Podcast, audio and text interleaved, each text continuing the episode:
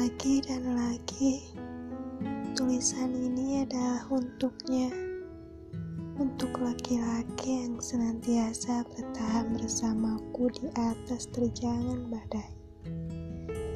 Jika tulisan ini sampai pada kedua mata indahmu, mohon baca dengan penuh kasih sayang padaku.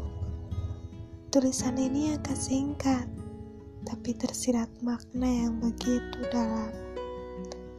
Empat tahun silam, kau menjadikanku sebagai pasanganmu. Sebaliknya, aku menjadikanmu sebagai pasanganku.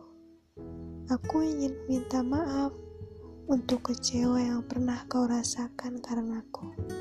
Kerumitanku yang selalu membuatmu merasa tidak nyaman dan untuk segala hal yang telah membawamu pada kesulitan.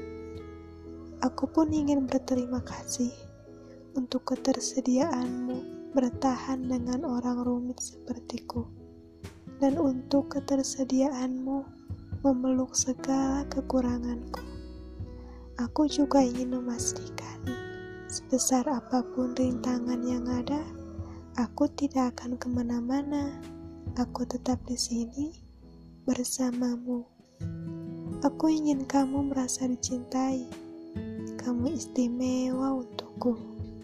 Bahagiaku bisa dua kali lipat ketika melihatmu bahagia. Untukku, untukmu, dan untuk kita, terima kasih.